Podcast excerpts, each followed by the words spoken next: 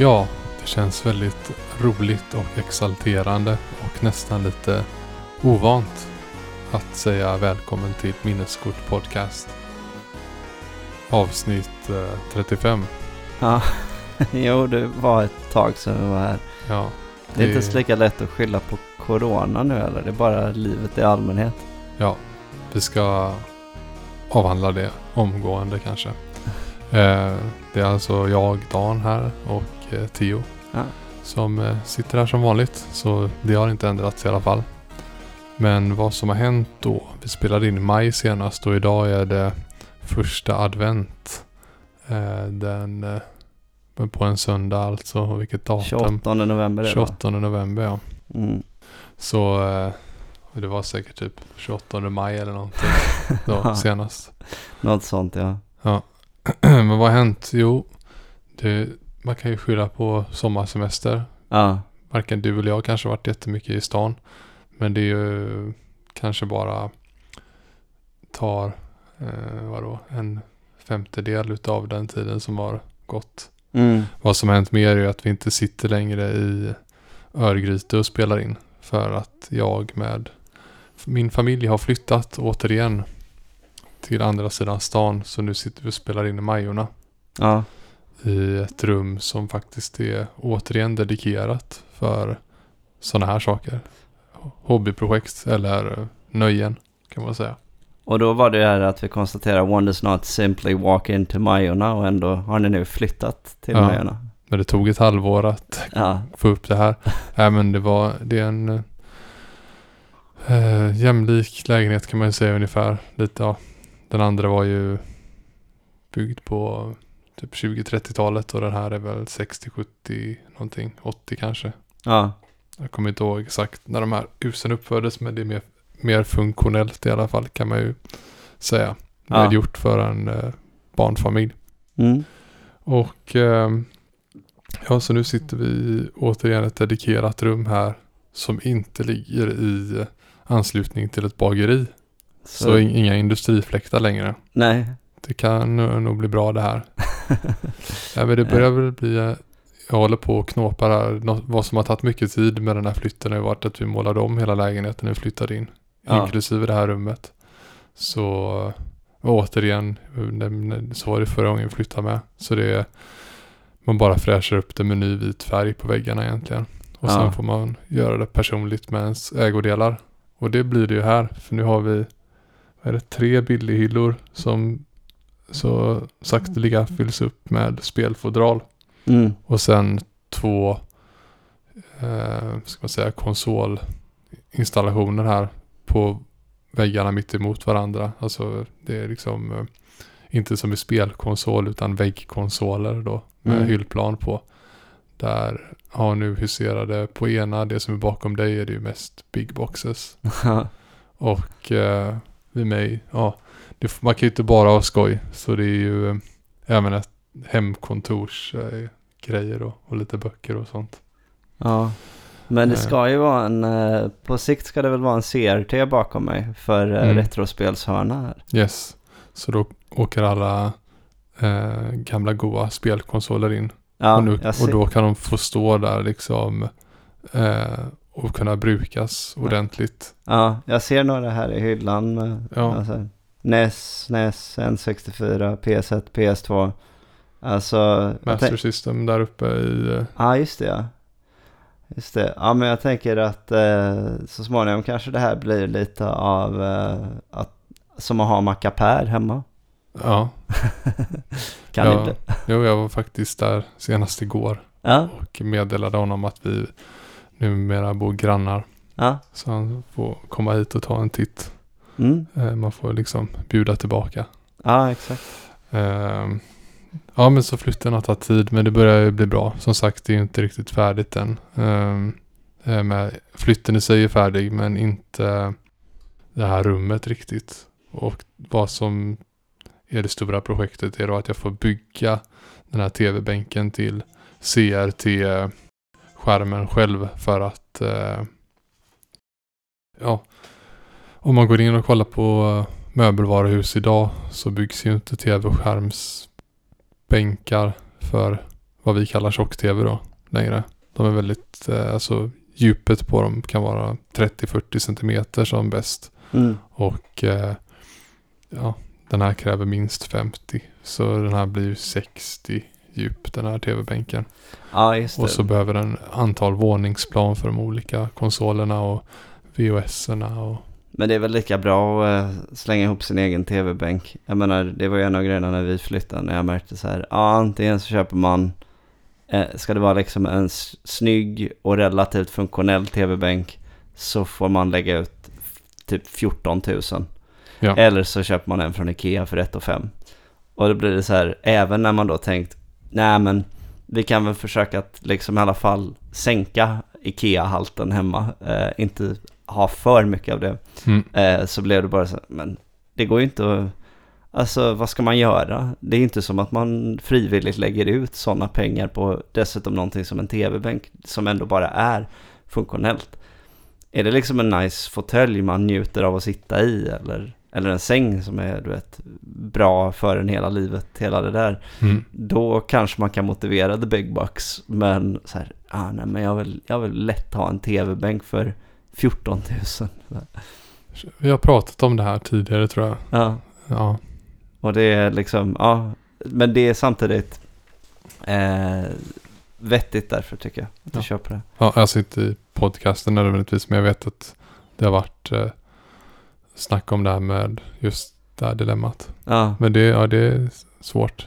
Men just Men- när det blir ett sånt hopp mellan, alltså att det kanske blir, eh, ja, i värsta fall kanske uppåt 14-15 gånger dyrare än andra alternativet. exakt. Nej, det blir så eh, galet då, men eh, nej, det, det är en grej som är tråkig däremot är ju, för nu satsar du på att ha en CRT och Mm. verkligen den helt autentiska upplevelsen och det är ju jätte nice men alltså ibland så kan jag bara tänka så här, det vore kul att dra fram Wii ens för att kunna spela Super Smash Bros Melee eller ja, jag har ju vissa retrospel på Wii och så, Mm. och så är det här jag har en sån här The Frame, eh, den här tvn som ska se ut som en tavla och då Ja. är det en sån här box man får till. Ja. Som har massor av portar in. Mm. Men har ingen skart för jag menar det, det är liksom inte så jätteaktuellt längre. Nej. Och den, Ja. har inte såna, den har inte ens sådana komposit, du vet. Mm. Nej men när vi eh, började den här podden vi skulle spela SCART-baserade spel typ Nintendo 64 och PS2 eller Playstation Ja, inför att vi gick igenom recensioner och sådär. mm. Då hade jag ju det dilemmat också för att våran eh, smart-tv där ute ja, det är också man får liksom en dongel till som har HDMI-ingångar och lite typ USB och sådär. ja, Men då köpte jag HDMI till SCART-adapter. ja, Så jag använder inte den så ja, får du jättesug någon gång så kan du ju eller så kan du göra som jag har gjort med mitt Wii som är ännu smidigare då att jag har kört en HDMI-sladd finns det för Wii. ja, just det. Ja, gör det det? Ja, du använder alltså där Wii-sladden ska möta vad som blir SCART om man säger så då. Ja, Så ehm, är det en eh, där, kommer en liten HDM, eh, HDMI-dongel kan man säga. Den ser Ja. ut. okej. Ja, vi kan, kan visa den sen. Ja, De, när jag köpte den, det var liksom så ganska tätt in på kanske. Nej, det hade gått något, några år efter Wii. Då ja, fick jag liksom beställa den långt bort ifrån. Men nu tror jag man hittar den överallt på Tradera och sådär. ja. I vanliga sådana butiker. Nej, det är, det är någonting lite, det är någonting som inte känns riktigt rätt med att, eh, med att Wii inte har det. Det är en sak när vi snackar liksom Mm. Nintendo 64 och sånt. Det är klart, det var en annan tid, men Mm. eftersom Wii är samtida med Playstation 3 eh, så, så känns det lite fel liksom. Ja. Ja. Det blir ju inte eh, med det sagt bra liksom upplösning om man säger så. Nej, nej. Men det är helt okej. Wii-spelen i sig har ju inte jättebra upplösning ändå. Nej, men jag vet att just Super Smash Melee spelar ju folk på CRT-apparaten när de spelar superseriöst. Men ja, du har ju liksom ett, eh, ett specifikt rum avsett för, för att Vi ha lite så kontor och ret, eh, ja, retrohörna och allting. har man, eh, har man mer begränsat med utrymme så, så är inte en CRT kanske riktigt på tapeten. Hemma. Nej, nej, nej. Vi kommer kunna välja mellan sen då för att jag har ju Wii i vardagsrummet då. Ja, Men här ligger ju i boxen fortfarande, eh, eller fortfarande, återigen mitt GameCube då. ja, ja. Och i hyllan står Melee. Så ja, ja. det, det går att fixa med nice. CRT.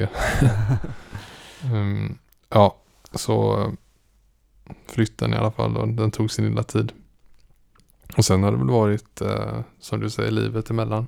Det är Ja. svårt att få till att någonting ska hända hela tiden.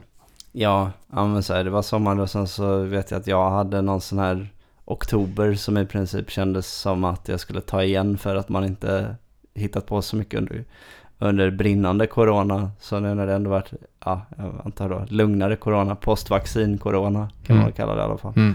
Så eh, blev det till att eh, ja, åka till, eh, åkte till exempel till, till Nice då, till Frankrike. Mm. Eh, första gången på länge. Första utlandsresan på länge. Så att eh, nej, det var på tiden att eh, man kunde komma tillbaka till lite sånt. Även om det hetsas nu med ny variant och ja, Ja. vem vet hur det här går. Men, ja. Vi, Ja. eh, ja, det är så jäkla muntert samtalsämne. ja, exakt.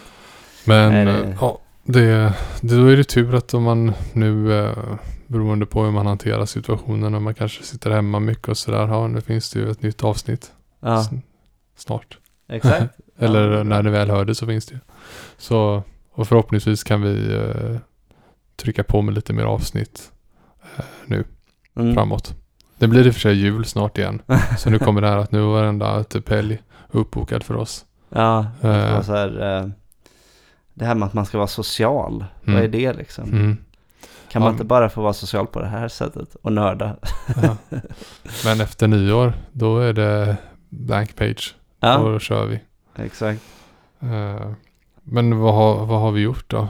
Eh, Har du gjort någonting liksom som du skulle kunna tänka dig man skulle kunna dela med sig av här under, blev det något hängmattespel? Eller blev det någon serie eller film eller? Eh, nej, alltså jag tror att för mig så har det väl just varit att eh, den här så, den här avsaknaden av spel på ett normalt sätt under så lång tid eh, med de här väldigt tråkiga krämporna jag snackar om ibland. Jag har bara försökt ta tag i det nu och börjat så här träna och hålla på så att jag ska, så jag ska må bättre och ehm, Men det är väl resultat utav att träna? Ja, jo, jag, jag mår bättre och sådär. Eh, så eh, inte, inte hela vägen framme, men jag mår bättre. Och, så att eh, jag provade till exempel att spela lite igen. Ja, då var det Idiota såklart, men spela Mm. lite för ett par veckor sedan. Det kändes bra då, sen så vet jag inte. Det, jag var inte lika säker på om det kändes lika bra någon dag eller två senare. Så att, fortfarande lite försiktig, men Mm. men det har gjort att det inte blev så mycket, som du sa där då, hängmattespel. Ehm, sen finns det ju andra grejer som egentligen känns som att de är minst lika kassa att göra, men man, man eh, gör det ändå. Typ att sitta och se på serie eller vad det är. Vi- en grej som var kul var ju att liksom få återvända till biografer. Uh, Ja, du har gått på bio alltså? Ja, Okej. så, eh, för det har vi ju snackat om. Tänk om bio dör ut liksom. Mm. Och det har jag ju sagt då. Nej, det vill jag absolut inte. Ja, just det. Det har vi snackat om. Du vill inte och jag rycker på axlarna. Ja, De kan gott ha det. så jag var, jag var och såg Dune Mm. eh, då. Som eh, jag, min magkänsla inför och, och efter att ha sett trailern då var att jag inte skulle gilla den särskilt mycket. Mm. Eh, jag tyckte att den kändes ganska pretentiös. Mm. Ehm, och sen så, så jag sa till mina kompisar att ja, men se den utan mig liksom, för jag kommer bara vara en downer. Mm. Och sen så kom flera av dem tillbaka och sa att den var väldigt bra och framförallt en kompis var så här Ah, ja, nej men det, det är grym, du borde se den för den är, det är typ som Game of Thrones i rymden. Och så var jag så här, aha, okej, ja men med den pitchen så verkar det ju rätt konstigt att jag inte i alla fall ska ge den en chans liksom. Så går jag och ser den och så är det bara så här, ja det där var så jäkla lögn verkligen. Det, det enda den har gemensamt med Game of Thrones är väl att det finns adelshus och att de är i någon typ av maktkamp. Mm. Det är liksom, det finns inte eh, alls den här... eh, alltså filmen är inte byggd kring intriger på det sättet överhuvudtaget och eh, så. Men ja, den var, den var väldigt visuellt häftig och sådär. Och eh, man, man försvann lite till en annan värld ett tag. Så Arrakis. ja, jag antar att du läst boken och inte sett filmen eller? Boken skulle egentligen kunna stått här i de här hyllorna. Men det är väl att den är pocket så då har den hamnat Ja, just det. I en av våra så kallade stringhyllor. Ja. Ute i vardagsrummet finns det även eh, i de modernare varianten liksom skåp. Där man inte kan se vad som finns i om man inte flyttar på en bräda. Ja. Och där inne står den inshoppad tror jag. Ja. Nej men eh, så credit för det och så tycker jag ändå att han eh, huvudrollen, alltså jag tycker väl eh, hu huvudrollen gör en bra insats och sådär. Eh, det är väl kanske lite det här att, men det jag tyckte den föll på var att manuset och liksom, det, det låter inte alltid så bra liksom tycker jag. Jag reagerade till exempel på när det är så här eh, någon, eh, alltså huvudpersonens pappa försöker inspirera honom lite eh, för Mm. att de ska vara mäktigare ungefär. Och så är det We've had eh, sea power and air power. Now we need desert power. Mm. Och man säger Va? Det här låter... Det är liksom Power Rangers nivå eller någonting. Mm. Så att, eh, ja, lite av en mixed bag för mig. Men eh, det är säkert som, som eh, läsare kanske man har en helt annan känsla. Ja, alltså min introduktion till Dune var egentligen eh, eh, Astral Projection. Aha, Som är ett eh, psytrance-grupp ifrån Israel. Aha, okej. För att många av deras låtar har liksom samplat ifrån, det är väl eh, David Lynch eh, Ja, film ja. då. Ehm, så det är mycket liksom Spice Must Flow och så vidare. Aha, okej. Eh, mm, för att jag hade ju typ motsatta uh, infallsvinkeln då. Ja, Bara, yes, de gör en ny sån här. ja, Ja, kommer den ju på en... Jo, HBO var det, ja, Max. Eh, så vi såg den. ja, För ändå så pass schysst tv tycker jag. ja. Eh, och eh, jag bara kände typ så här. Ja, och vad gav den här filmen mig då? det var ju... Eh, jag tyckte den var väldigt eh, gäspig faktiskt. Och som du säger, eh, skådespelet eh, var inte så här bara... Det, det nej, ingen karaktär som griper mig och jag känner att det alltid är så här. Stellan Skarsgård ass. Stellan Skarsgård. Han har varit samma roll sen han gjorde, vad är han heter, Bill i Pirates. ja, Han, det är alltid liksom att han har en släpig och bekymrad röst. ja, men jag kände också lite det där Och så, att, så med ansiktet ner och så tittar han upp lite typ och ja, jag kände Ja. också lite det där att karaktärsmässigt, jag vet att folk som känner mig eh, kommer alltid reagera på så här, ja men du ska alltid tjata om att karaktärerna ska ha så mycket djup och så där, men de, de kan väl ha någonting, alltså för jag tycker Mm. inte att jag ens får en, jag, jag får knappt ens en känsla av att ytan skrapas på de här karaktärerna. Nej, eller bryr man sig om någon i den filmen? Nej men det är lite det jag känner. Jag, jag gör inte riktigt det. Och då, och, och då blir det lite att, ja okej, men då kan ju, då kan ju storyn vara det som bär. Jag menar det händer ju också. Men då, är, då hamnar den lite i det här med att det är en, vilket man märker då när man sätter igång filmen, Mm. Dune Part 1. Mhm. Och så, och så blir det lite den här, men den hinner ju inte riktigt komma igång där heller. Nej, ja, det var ju så här bara. Snart börjar det nog och så behöver man kanske pausa filmen snabbt och så ser man, ja ah, men det är ju 20 minuter kvar. Ja, Men eh, ja, ja, det kommer en del två då. Så den måste man ju se också eftersom man har sett den första. precis. Nu är man part committed. Ja. Eh, jag är ändå nöjd med det där samtidigt att jag eh, att jag inte är lika bunden till det där längre. För jag såg ju, jag har sett Hunger Games 1, 2, 3 och ty tyckte faktiskt att andra var bäst i serien då.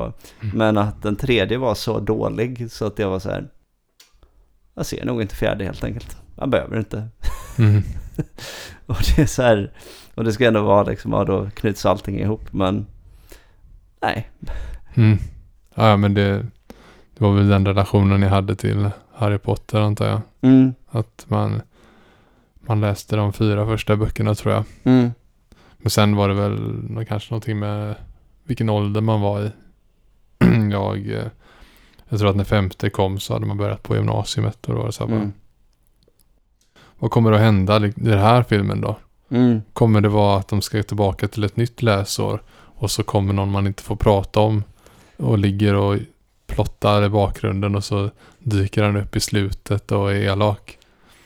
Ja, något sånt här. Jo, precis. Alltså, Harry Potter, alltså jag tycker ju det är ett betydligt liksom bättre världsbygge än den jämförelse jag tänker göra. Men man påminns ju ändå lite om femböckerna. Ja, Alltså så här, man visste hur, du vet, hade du läst kanske två femböcker så visste du, ja ah, okej, de, de är alltid så här då. Ehm, ja, samma sak. Och serien var väl ännu värre, den som gick, som dubbades till svenska på SVT. ja. Varje avsnitt. Åh, kolla en grotta! Ah, exakt. Så gick de in i den. Och så var det tio minuter kvar av avsnittet. Och ja, de löste det och hunden skällde i Ja. slutet. Precis, Eh, så att det var... Eh, ja, nej, jag, jag gick i mål med Harry Potter och sådär, men eh, det var inte... Jag förstår vad du menar ändå. Eh, att man kanske inte alltid måste vara så committad med en sån serie. Men här får jag ju intrycket av att det är del 1 och 2 liksom. Och om Mm. det är del 1 och 2, ja då, då ser jag nog hellre del 2. Särskilt eftersom de la upp det lite på det där sättet att Ja, ja, har du hängt med så här länge? Ja. Men vi har ju fel ändå för att den här filmen har ju gått bra och eh, har fått bra genomsnittsbetyg. Ja, ja, precis. Så att man Så får vad- komma vad- ihåg att vi... Vad vet vi? Nej, det är, det är viktigt att komma ihåg liksom att eh, om man kombinerar IMDB, Rotten Tomatoes och Metacritic så är ju det liksom världskonsensus Mm. och då, ja, då är det korrekt trots allt.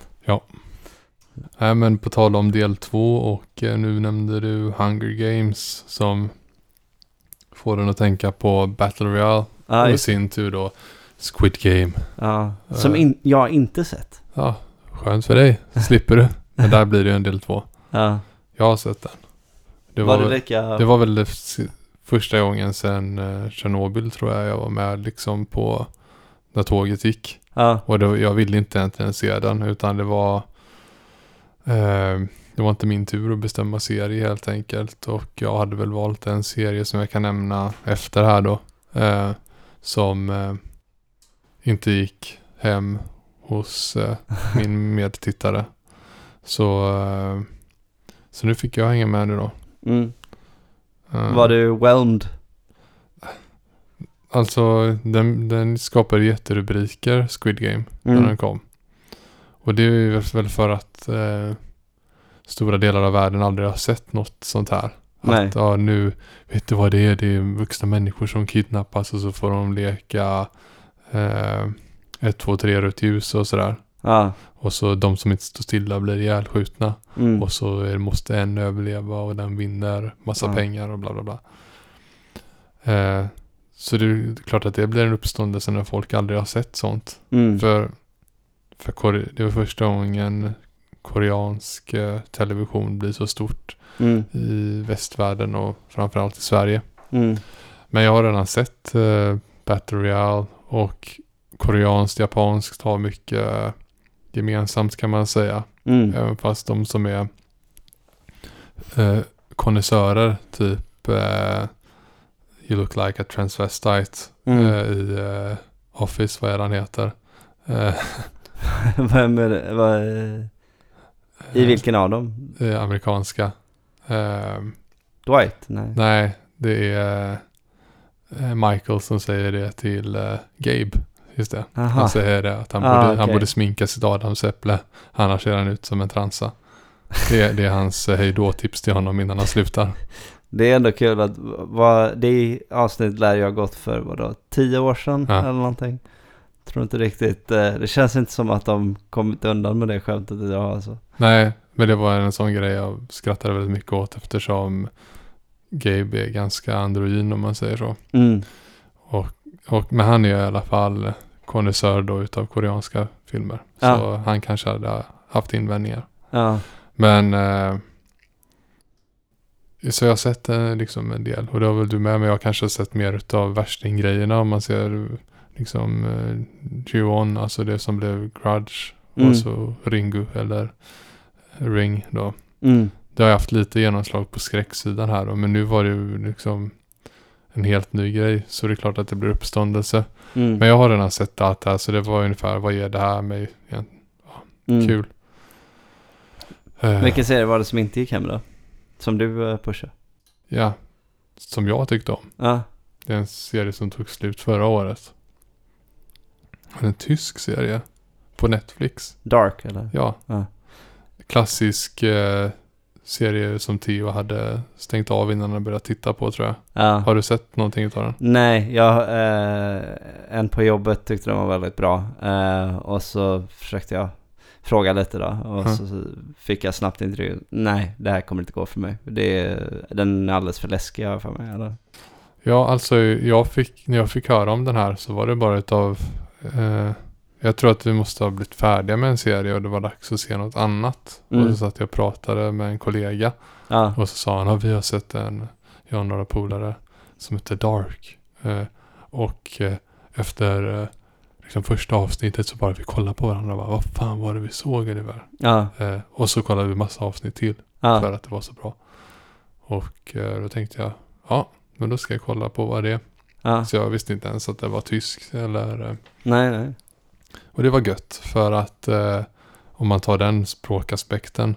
Eh, för det har varit... ehm, eh, ja, men om, om man kollar på de serier som vi kanske har nämnt här som vi har kollat på och generellt vad man får så får du liksom utländska serier antingen från USA Mm, eller från England. mm. Så antingen får du liksom It was a bad evening and I was tired of it. Ja. Ungefär. Eller så var det I believe that the king must drink the coffee at three o'clock. Ja, exakt. Och eh, så, det är de två grejerna man får. Ja, Ja, nej, riktigt så illa är det väl inte. Nej. Men nu var det liksom gött att få tyska som inte bara är liksom Rammstein utan eh, det låter gött att lyssna på när, man, mm. när de snackar också. ja, Så, så lär man sig lite nya ord ja. som man kan förstå. att vad det är på svenska till exempel. Läppstift. Ja, just det. det jo, det är alltid kul med sådär när man märker eh, hur, hur mycket som ändå är likt liksom. Mm. Ja. Ja, nej men eh, okej. Nej, som sagt, jag tror inte det är en serie för dig. Sen får du väl prova hur mycket du vill utmana dig. För vad den, om jag ska beskriva den så är det väl eh, Twin Peaks möter Lost och fucking Åmål om man vill dra det till en gräns. Okej. För att, ja, nej men vad jag menar det sista är bara att det utspelar sig i en stad eh, som alla hatar Ja. som bor i den. De önskar att den inte fanns. Ja. Och ingen kommer därifrån heller. Nej, okej. Alltså rent, alltså ingen kommer därifrån för att det inte bara blir så. Det är inte att det är någon stor osynlig kupol Nej. runt om. Utan det är bara, man fastnar i staden, man föds där och man lever där. Ja. Men, eh, Ja, men och den, det är, eh, vad ska man säga, färgsättningen, liksom cinematografin gör Mm. att det, det är liksom aldrig, eller jo, ska inte säga aldrig, för det finns scener där det faktiskt är solsken och sommar och så vidare och det ser ganska trevligt ut. Men oftast är det att de verkligen försöker frammåla det ungefär som Uppdrag granskning frammålade, eller vad heter det? Frammålade. ja. Eh, Framställda? eller? framställde jag. Ja. Eh, Grums i ett reportage, alltså Ja. en håla. och på tal om håla då, så är det Höle är ju grotta på tyska. och grotta, en grotta har väldigt stor, eh, ska man säga, Roll? roll i serien.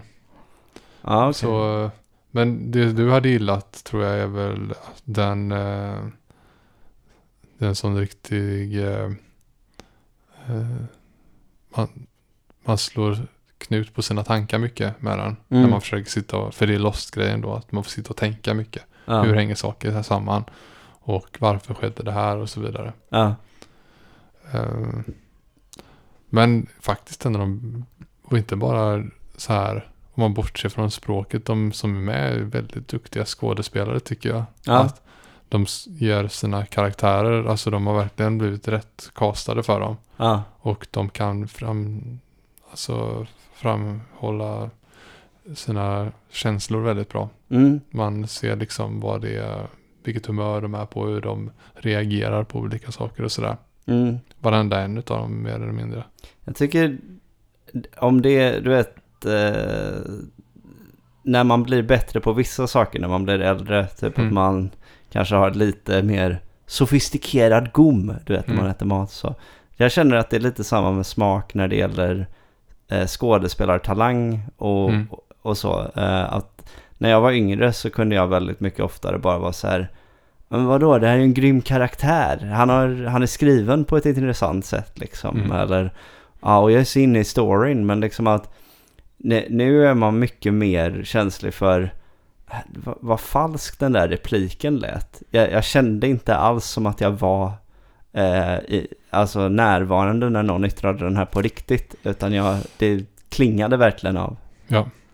Och det Eh, kan man ju även säga där om tidigare nämnda Squid Game. Ja, Att de är också duktiga skådespelare de som Ja. är med faktiskt.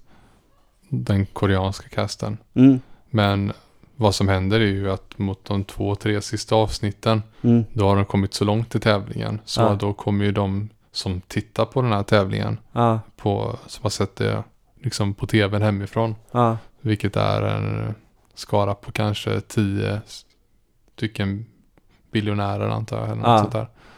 De flesta är amerikaner eller någonting. Och så kommer de med och ska se allting live istället. ja, Och, där har man ju inte haft någon aning om hur man väger upp kvaliteten på skådespeleri. För där har man gjort världens, alltså de, de amerikanska skådisarna, deras sätt att prata och deras repliker eh, är så, alltså taget ur en tecknad film. mm.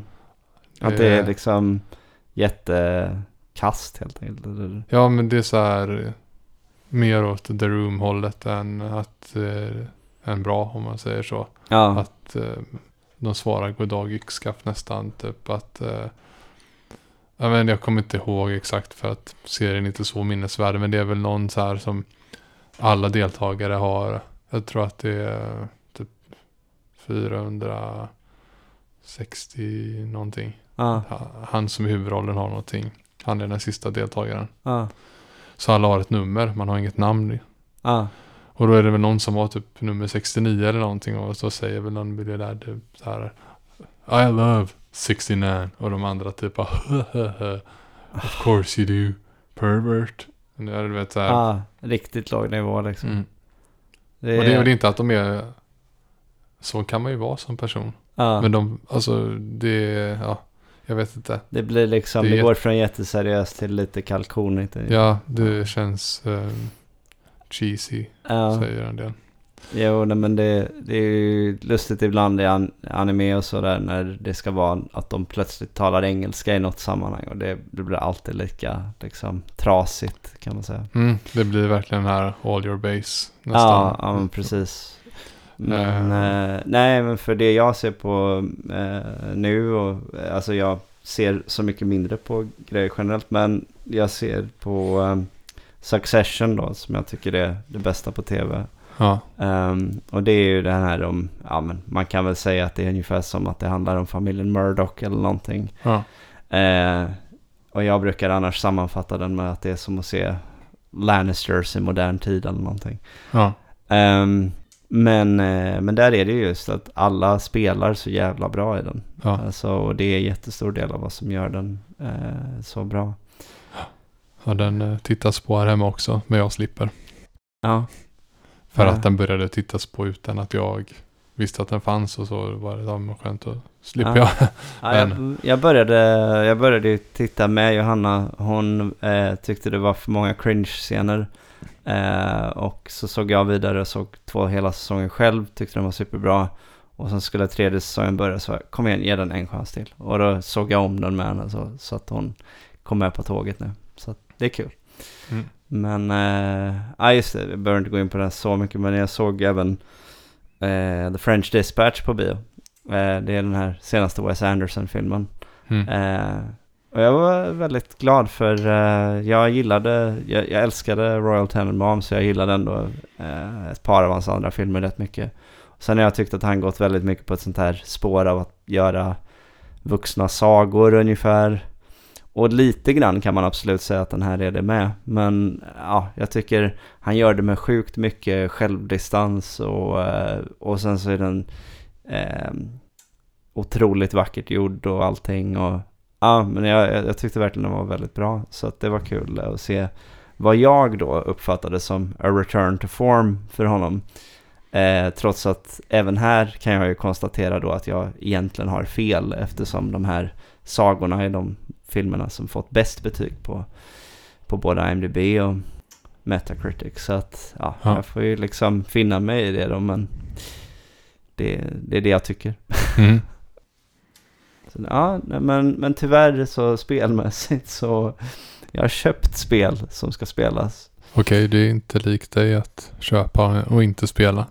Nej, precis. Eh, men det har varit lite då i, i väntan på att eh, känna att jag kan göra det utan kostnad så att säga. Mm. Men alltså Metroid Dread ligger i pipelinen. Ehm, Och- Givetvis. Och det gör även eh, nu, eh, precis sen Black Friday eh, då, så gör även It Takes Two det. Det ska bli kul att köra med Johanna. Så du Black Friday shoppade? Ja, ah, jag köpte It Takes Two och eh, Spider-Man Miles Morales. Mm. Eh, för de var ändå, det var så pass kraftigt nedsatt så då tyckte jag värt liksom Mm. att satsa på det. Har du, eh, det är nog det enda jag har köpt däremot. Eh, Okej. Har du skyndat fyndat? Nej, det brukar ju vara jag som är Black Friday-fyndaren utav oss två. Ja, Men jag har inte, ingenting Black Friday eh, i år. För jag har haft annat för mig. Ja. eh, som inte är något speciellt, bara att jag inte har hunnit. Men det är ju Black Week och Black Month. Så till exempel Native Instruments då. Som jag alltid brukar köpa en, en plugg utav som jag säger. ja. Utav, till eh, musikprogram och sådär. Lär väl ha erbjudandet fortfarande antar jag. Jag har inte hunnit ens kolla där. nej, Men jag, jag ska gå in och kolla. ja, Så någonting kanske det blir. ja, Men ehm, nej, alltså det är en sån sak jag kan ju nämna också att jag hade faktiskt sån tur till att börja med med att jag insåg att jag hade runt 5000 kronor över gentemot vad jag brukar ha. ja, Eh, och eh, perfekt.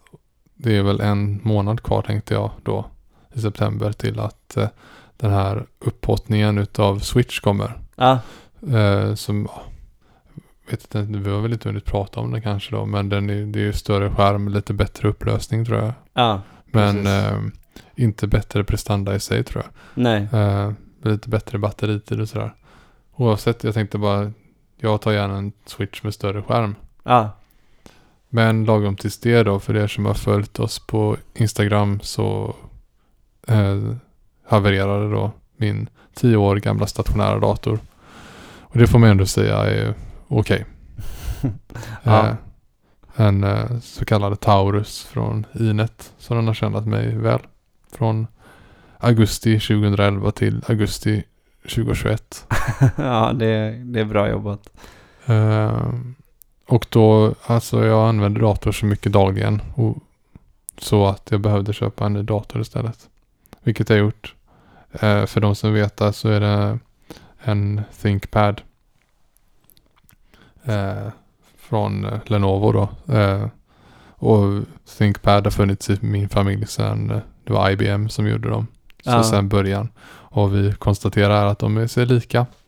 Det här eh, i utseendet. Mer eller mindre. Det spacas kanske till lite här och där i kanterna men Bortsett från on-knappen och att det står att det är en, vad är det, Intel Core i7 i, Ja. i så, eh, så hade jag inte rakt av kunnat säga att den här inte var 20 år gammal.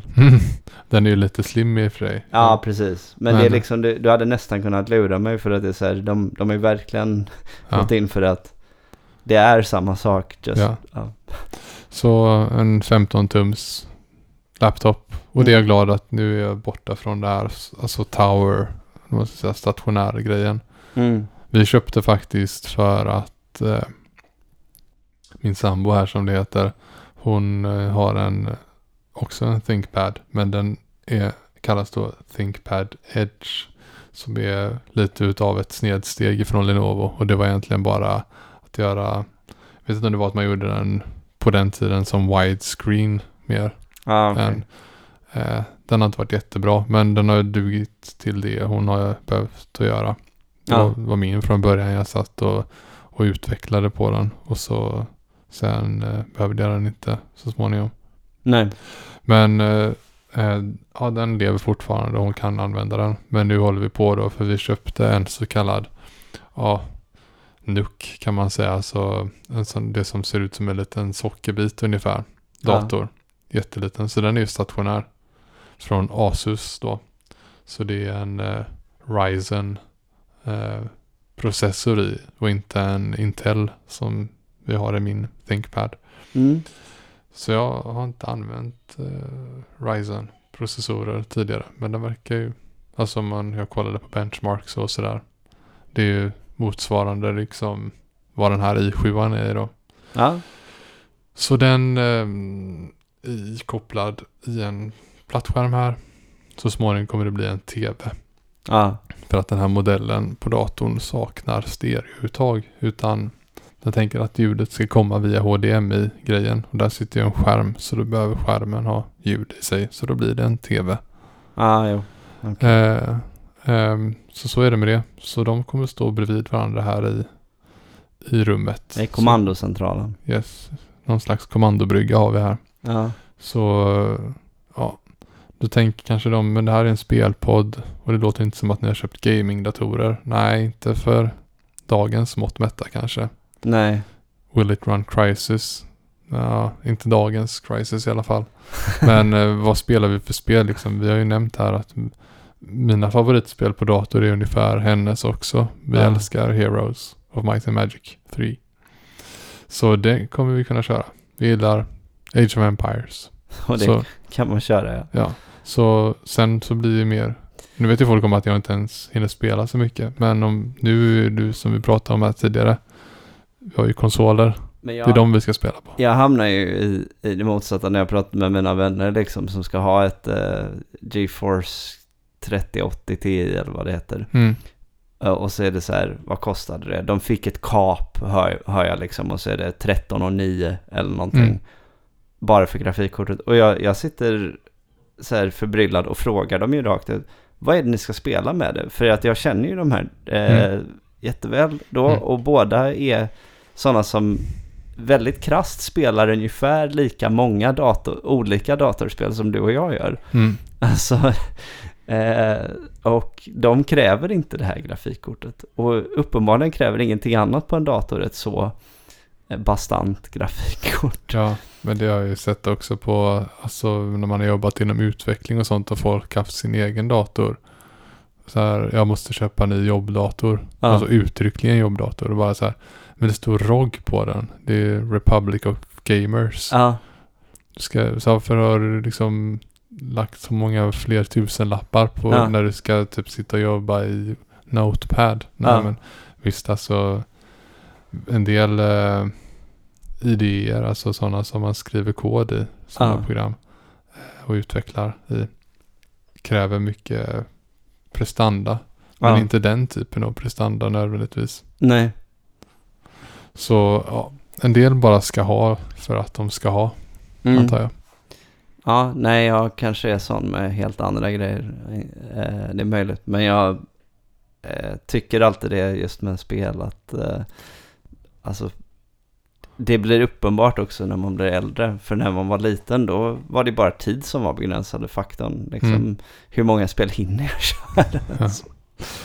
Om man bortser från det här klavertrampet som heter Cyberpunk då, som Ja. kom för snart ett år sedan, så tog jag något slags eh, undermedvetet val för eh, ja, bra tag sedan. Att är inte spelet exklusivt för dator, typ ett RTS eller något sånt där, Ja, eller MMO eller någonting, ja, så finns det på konsol så vill jag hellre spela det på konsol än på, ja, vad vi säger och kallar för PC. ja, Eh, Fast eh, jag har förstått att typ de här GTA 5 och Red Dead Redemption och allt det här ska vara snyggare liksom kanske. Eller om man nu köper som dina vänner har gjort då det bästa grafikkortet och så vidare. mm, Men det måste ändå vara marginellt har jag förstått ändå. mm, Och varför då konsol? För att det kommer funka på konsolen. ja, exakt. För att så, jag har, kanske det finns de som har gått igenom hela livet. Bara, ja men det har alltid funkat för mig på dator. Ja, Men så är det inte och jag har pratat med dig tror jag om det till och med här. Om vi kan ta Fallout 3 då som ett så här, mitt i mitt praktexempel. Jag Ja. gick in i fel dörr och så bara korrumperades hela spelet. ja. Nej men, Och så eh, kollar man upp det bara, ja men det här är en bugg som du kan, som Bethesda liksom har erkänt men inte fixar. Och så är det någon annan tredjepartsgrej som har, du vet, som typ gör mods till spelet eller någonting som har fixat den buggen då. ja, Men stoppar du in den DLL eller vad det var man skulle stoppa in, ja, ja vips. Då är liksom, då är hela spelet instabilt istället på massa andra sätt. ja okej. Så den DLLen det är som Missing No i Pokémon ungefär. Ja. Då är hela spelet. Ja men Fallout 3 finns på Playstation 3 och Ja. Xbox 360 och sådär. Jo, Ja. men eh, och jag hade ju en, eh, jag tror jag nämnt den också här på den, men likadan erfarenhet med Psychonauts någon gång. Liksom. Mm. Jag skulle spela det på PC och sen så kom jag till ja, slutet av, sist, eller av första banan visserligen. Men, ehm, och då ja, bara det kraschade. Eh, Mm. Och så gjorde det flera gånger och sen får man gå in och säga ah, men du har väl stängt av V-sync om du har de här specifikationerna bla bla. Och så är man så här, ja ah, okej, då kanske det var det enda lilla eh, the only blip liksom. Jag kunde Mm. säkert ha spelat vidare. Men intrycket blir ju, ja den här gången var det V-sync, nästa gång kanske det är just som du säger, någon sån här annan bugg. Och jag menar på, på tv-spel så man kan räkna det på ena handen när, när konsolen kraschat och ja, den betett sig konstigt liksom. Mm. Så Nej, därav. Jag håller med. Konsol hellre i så fall. Ja. Eh, men spel har jag spelat. Jag, kan säga så här att eh, under sommaren så umgås vi ju mycket liksom inom familjen. Om man Ja. säger så. På olika sommarställen och sådär. Och eh, i min sambos familj där finns det numera liksom att de är inklusive mina barn många kusiner. Ja, Eh, så, och så är alla ute samtidigt på sommarstället. ja, Och alla är i den här liksom åldersspannet från, eh, ja nu är finns det ju då typ två stycken halvåringar också. Men om man Ja. bortser från dem så är det liksom åldersspannet då tre och ett halvt till elva och ett halvt kanske. ja, Och alla har ett Pokémon-intresse.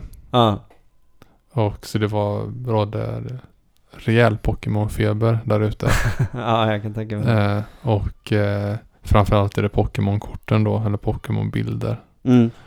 Så det byts hej vilt mellan olika pärmar och folk lurar skjortan av varandra och så vidare. Och det är lycka och förtvivlan blandas och så vidare. Och sen Ja. är de bästa kompisar och så löser man konflikten och får byta tillbaka och så vidare och sådär. Ja, Men jag tänkte att eh, jag, eh, jag slog på diktafonen faktiskt där ute. ja, Främst vill jag bara slå på den för att ha den som, en, som man kallar en fluga på väggen. ja, Men eh, de fick ju syn på den så att de undrade vad jag skulle göra med den. Och då sa jag vad, vad det var för någonting. Så eh, hittar jag klippet nu så slänger jag på ett klipp här så får ni höra hur, eh, hur ett par unga män resonerar kring Pokémon. ja, det låter, det låter kul. Okej, Solgaleo. Sol, Solgaleo, en ståltyp. Solgaleo är jättelegendarisk och erkänd för kompis med Nulana. Solgaleo har em, em, vissa em, brukar inte utvecklas fast den här Pokémonen kan, måste utvecklas till Solgaleo. Ja, men de här GX-grejerna, varför står det så? GX är GX och EX och VMAX och V. De, de visar hur bättre de kan vara än vanliga skydd. Okej. Och så Leo hatar eld och, och, em, och, em, vill, och ögontyp. Electabouche. Electabouche. En, en Electabowl. En, en Blixttyp. En blixttyp. Electabowl kan göra läckis på andra. Så när jag kan motståndet dö. Eh, De som är dåliga och fuskliga menar du? Den här Pokémonen känner inte jag igen. Fast den är en ståltyp. Det är Sand Slash. Han är med från Slash, början. Sand slash. Sand slash. Um, Al- Alola slash. Sand slash. Sand slash ståltyp. Slash använder sina vassa klor för att skära sig igenom massa saker. Stål, metall, massa, massa omöjliga saker. Det är därför den har sin bästa attack som handlar om dess, em, dess farliga riv.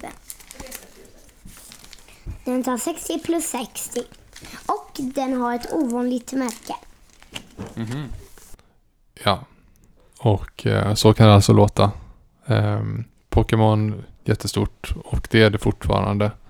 Varje gång. Det blir liksom att, att Pokémon-intresset det växer ju fler de blir i, Mm. i klungan kan man säga. Ja. För det är väl deras gemensamma eh, bästa gemensamma nämnare skulle man kunna säga. Mm.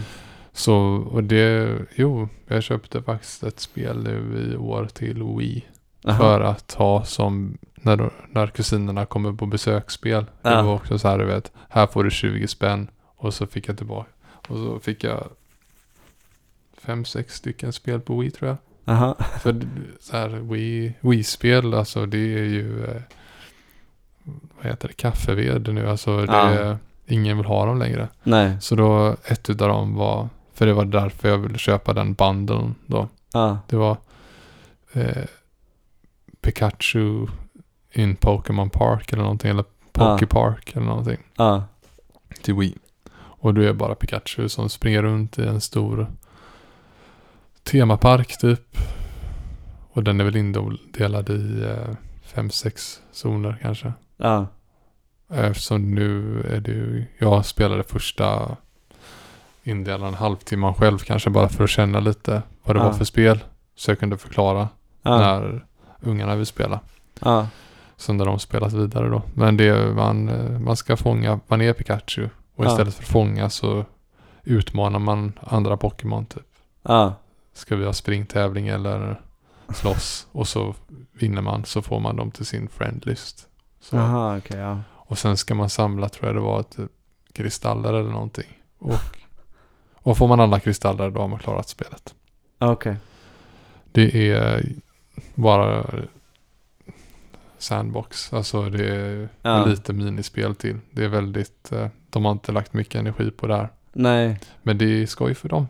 Ja, jo det, det är ju lite den här grejen. Man, eh, alltså, om någonting är rätt tema så spelar det inte lika stor roll för kids alltid om det är så om det är löjligt högkvalitativt. Utan Mm. det är så här, Nej men det är verkligen de, de har gjort minsta möjliga ansträngning. Du har bara Wii Remote, alltså inga, inte den här nunchuck-grejen till. Och så håller du den eh, horisontellt ja, och styr med styrkorset. Och Ja. så använder du knapp 1 och 2 då. ja, Som en NES-kontroll egentligen. ja, jo. Nej, det Så. låter inte så eh, ambitiöst kan man säga. Nej. Nej. Eh, Men det är ganska bra egentligen för små barn ju. Inte för komplicerad styrning. Nej. Så, så det, det, det kan jag ju dela med mig av här då. Men annars, eh, sen har vi, alltså jag har en del andra barnspel om man säger så. ja, Sen är det ju många bra klassiska spel som kan ses som barnspel också. Men eh, ja. Man får se vad som tas fram sen.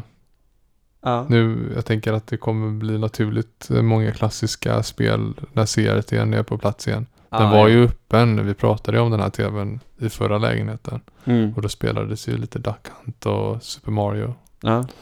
Så det kommer ju komma tillbaka. Mm. Men, eh, mm. Så då är vi här i Majorna numera helt enkelt. Ja. Samma podcast, samma personer, men i ett annat ton helt enkelt. Ja. Eh, och då tar vi någonting istället som är lite mer bekant, nämligen en topplisteplacering. Ja.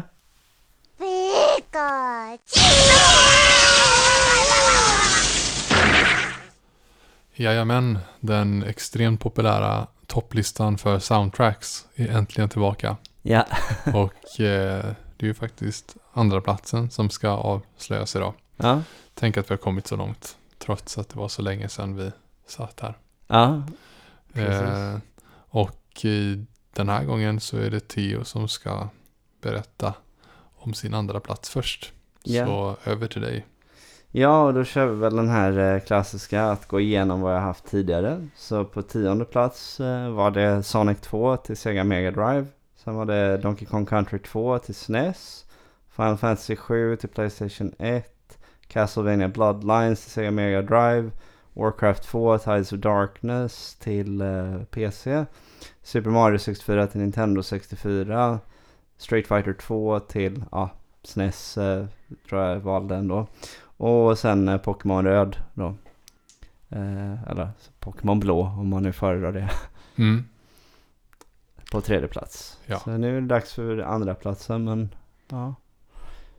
Eh, hur var det? Var det någonting vi glömde förra gången? På... Jag inte glömde nöd- nödvändigtvis, men i och med att det har gått eh, så pass lång tid sedan Ja. vi hade den här så har jag redan hunnit tänka ut kommentarer eller bilagor eller vad man ska säga till våra tredje placeringar Ja, som jag vill passa på att nämna. Så får vi se vad du tycker om det. Ja. Men jag tror att du kommer hålla med mig. För jag för mig att i Pokémons fall då, ja, din tredje placering och ett spel som även är med på min topplista. ja, Så har vi ju inte riktigt nämnt så mycket som vi borde The Theme Song. Alltså inte den som är med i animen, nej, Skrapa en grad. nej, Utan eh, eh, vi pratar om alltså den som spelas upp när spelet startar, alltså start screen. ja, Pokémon Main Theme får man väl säga. ja, jo, Och den är även med i, den är med i animen också. Ja. Alltså den gamla animen. Och den är med i Super Smash och den är jo, med liksom överallt. precis, För jag har hört den i så många tappningar, bland annat där vi pratade om då att Pokémon-febern, klart Ja. att de kollar på det på jo, sommarstället då på Netflix. exakt, Och jag säger alltid, kan vi inte kolla på den gamla animen? Så Ja. måste vi titta på den här eh, resan börjar nu, eller vad den heter, Pikachus resa, som är inte alls lika bra tycker jag då. nej, Eh, och, men i den gamla animen så eh, där används ju även temat som, som seriemusik, liksom bakgrundsmusik. ja, Och det är ett sånt fantastiskt tema är det. Det Ja, jo, det är- alltså det, det här, är- det här kan vara ett av de bästa temana någonsin är det på att säga. Nej men speciellt om man lyssnar på det dels på Gameboy, originalet är det grymt. Men när det är orkestralt, alltså det är ju Jag tycker det är bättre än eh, Star Wars. Alltså, Alltså, ja, men alltså, för mig tror jag att eh, det har blivit mer som att det är sånt självklart inslag Ja. eh, i Pokémon. Att det är nästan som, eh, vad ska man jämföra med, du vet, när man säger att det är som en del av miljön i princip. Jag, när jag tänker kring Pokémon så kan jag ju inte liksom ta bort att Ja just det, det finns ju alltid med i bakgrunden. För att för mig blir det ju så förknippat både med eh, alla spelen då, eller framförallt första generationen av spel. Ehm, och eh, egentligen, det har ju varit med hela tiden som du säger, Smash. Det är ju alltid det som är huvudtemat, eh, default-temat på Pokémon-banor liksom. mm. Eh, så att jag är ju, den har ju gått så många gånger i huvudet. Men jag tänker sällan på hur storslagen den är om man säger så. Alltså jag tror att för mig är det lite som eh, Stage 1-1 i Super Mario 1. Mm. Att det är klart att det är briljant men det, vet, det är den självklara hitten. Alla har hört den Ja. en miljon gånger. Så. Ja, men det är en eh, fantastisk uh, ouvertyr. Alltså, verkligen kickar igång spelet. Ja, Ehm, ja, det, vi, jag tyckte inte vi riktigt uh, framhävde det. nej det är Så sant. nu är det sagt i alla fall. Ja. Eh, och med det sagt ska jag inte kapa din uh, Nej. stund i rampljuset här. Nej, nej men för på um, andra plats så, så kommer vi till, så får vi gå ganska långt tillbaka i tiden. Närmare bestämt eh, 30 år åtminstone här i Europa tror jag det är. Ja, jag vet inte exakt, jag, men eh, någonstans där omkring. Eh, för nu är det dags för Mega Man 2.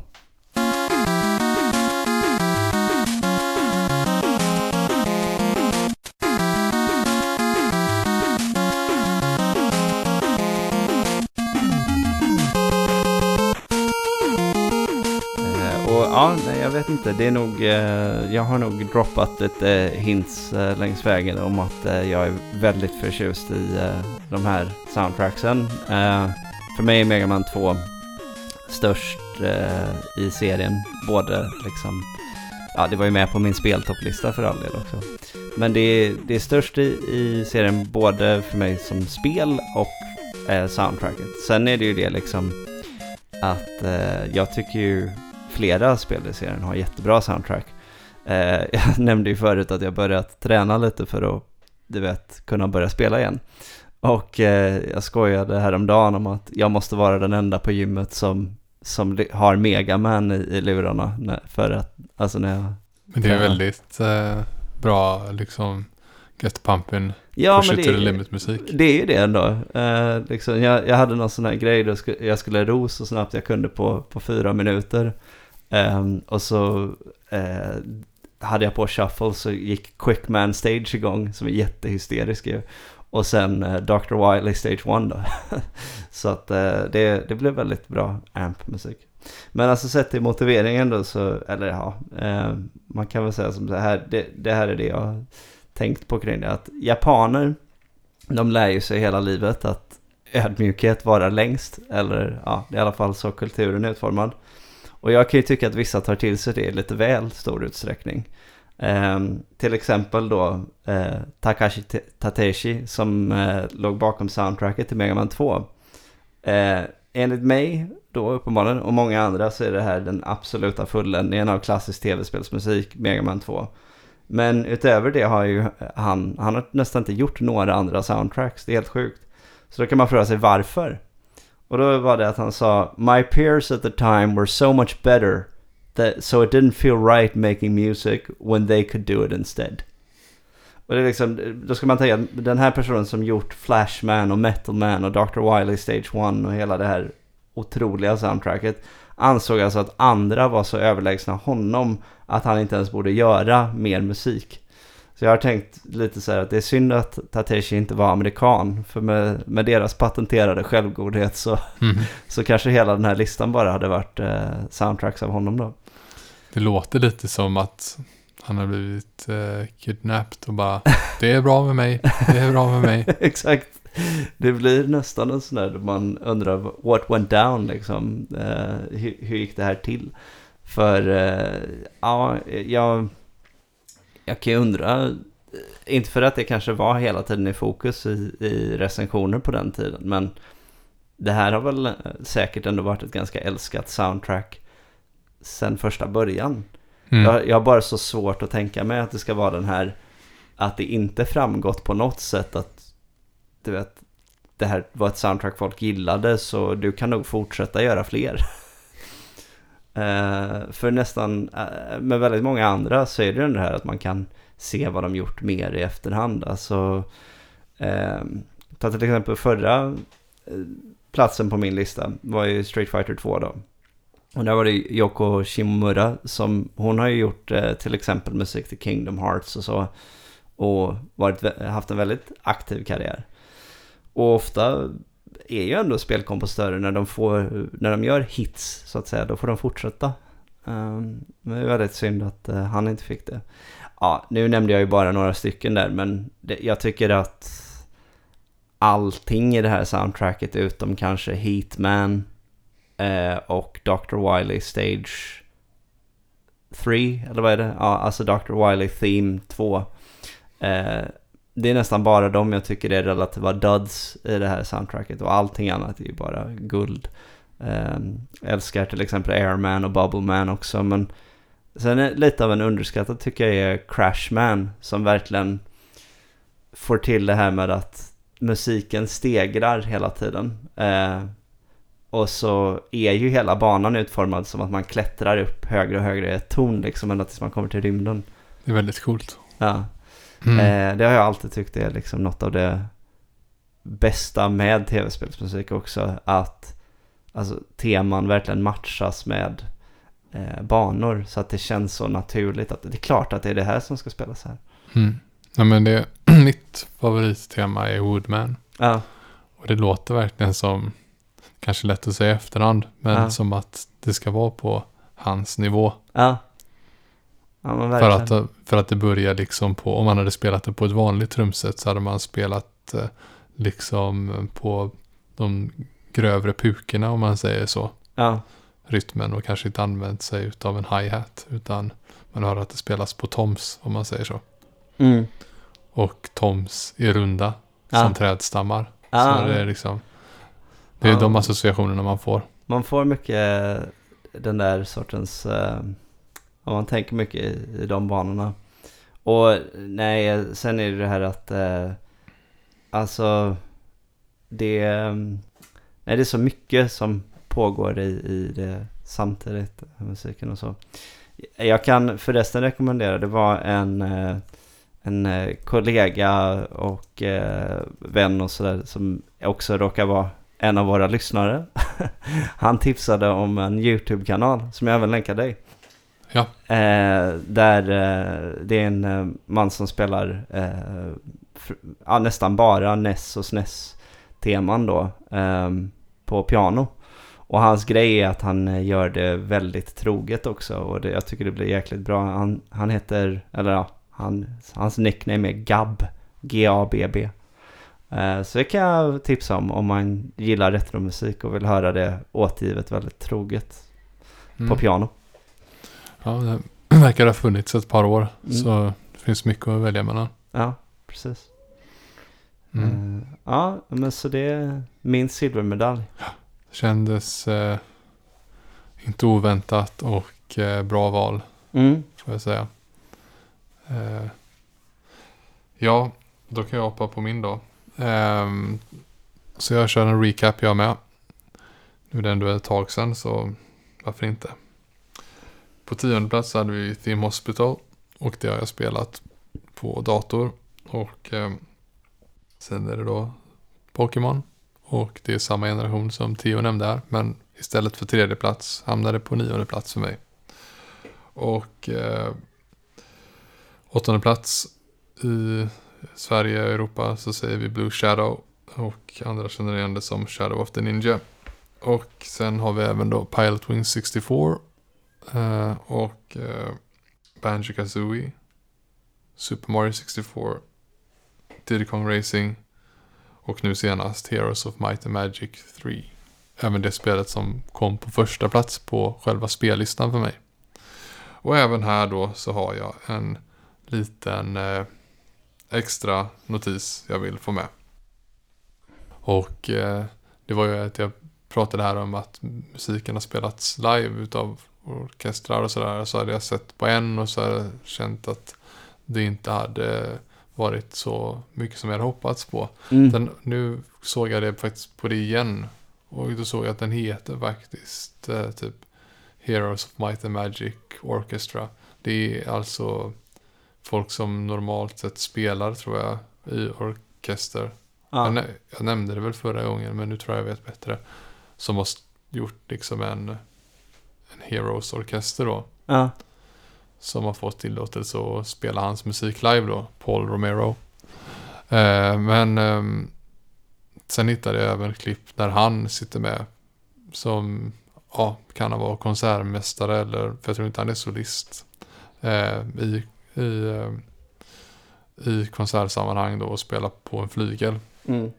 Och där blir det mycket bättre. Där bland annat mitt favorittema då, Tower, Ja. eh, spelas så som det är på, eh, på i spelet. Ja. För vad jag tyckte var så jobbigt med den här Heroes-orkestern då, att deras take Ja. är att den har ett alternativt slut också. Aha. Och slutet är liksom, hela låten bygger upp till slutet Aha. på, på riktigt. Det... Eh, och eh, ja, jag har, jag har lyssnat ganska mycket på klassiskt överlag egentligen tror jag i sommar. Och halvåret som har varit. Så eh, då blir det lite så här att jag tror det började faktiskt så att jag började efter topplistan, vi hade pratat om det, så började jag lyssna på Heroes igen.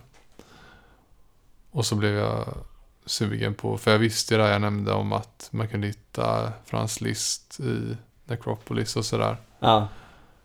Och sen märkte jag ju att till exempel då Tower bygger på, tror jag, någonting ifrån, nu var det ett tag sedan jag lyssnade, men jag för mig att det var ifrån Brahms då, Ja. och så vidare. Så, och då märker man, shit, det här är väldigt likt, så tänker man okej, så Romero var inte liksom sånt, eh, att han kom på den här passagen så Nej. genialiskt. Han har även tittat på andra då. Ja. Och ja, det är sånt man märker nästan med åldern. När jag var i eh, tidiga tonår så lyssnade jag massa på ett finskt band som hette Children of Bodom. Ja. Huvudpersonen Alexi Laio dog i början av året så rest in peace för övrigt. Eh, men eh, där är det mycket vad man skulle kunna säga så här neoklassisk metal Ja. i spelet på de tidiga skivorna som jag lyssnade på då. Och ja, okej, vissa grejer är liksom att han har bara tagit eh, liksom x antal bars eller vad man ska säga från Mozart eller vad som helst och bara Ja. stoppat in melodierna Ja. i sina egna. Och det är fritt fram att göra. För Just- att det är, så det är så gammal musik. Ja. Men det var liksom mitt första intryck och bekantskap med de melodierna. Så sen när jag blivit äldre och lyssnat mer på klassiskt så jag bara, men vänta lite. Mm. Det här är ju den låten. Ja. Ja. Ja. Nej men så, eh, det, det var väl inte lika mycket eh, nödvändig information där. Men jag har lyssnat mer på livemusik Mm. av Heroes.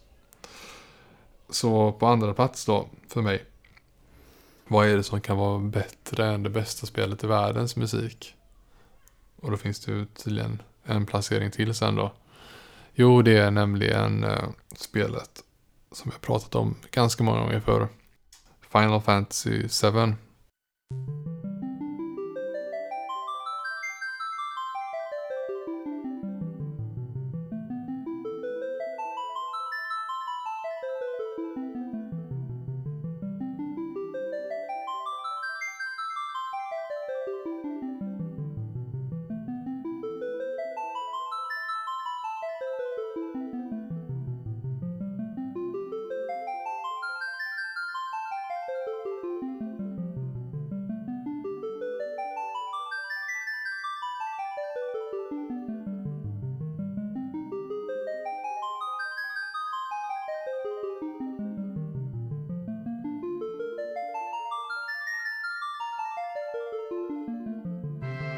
Eller sju då, som vi säger på svenska. Vilket garanterat är Umatsus, vad vi kallar här, Magnum Opus. Från och med att musiken börjar i stycket Prelude, som, ja, Preludium på svenska, så är, tycker jag att det musikaliska avtrycket nästan är fullbordat. Alltså, då, och då finns det så mycket mer sen, men vad jag försöker säga är att det är från och med där kan man bara släppa handkontrollen och ja, sluta ögonen om man så vill och lyssna och bara förstå vilket äventyr det här kommer att bjuda på. Mm. Eh, det är fantastiskt just det här stycket tycker jag. Verkligen toppen. Och det gäller nästan alla stycken. Man kan säga att alla stycken är minst sagt bra och stundtals helt fläckfria. Eh, perfekta. Eh, jag kan komma in mer på kanske några utav dem sen. Vilka jag pratar om. Men eh, vad, jag vill säga innan dess är att något som utmärker det här soundtracket är musikaliska bredden på det. Och då pratar vi om att det finns väldigt många kulturella inslag.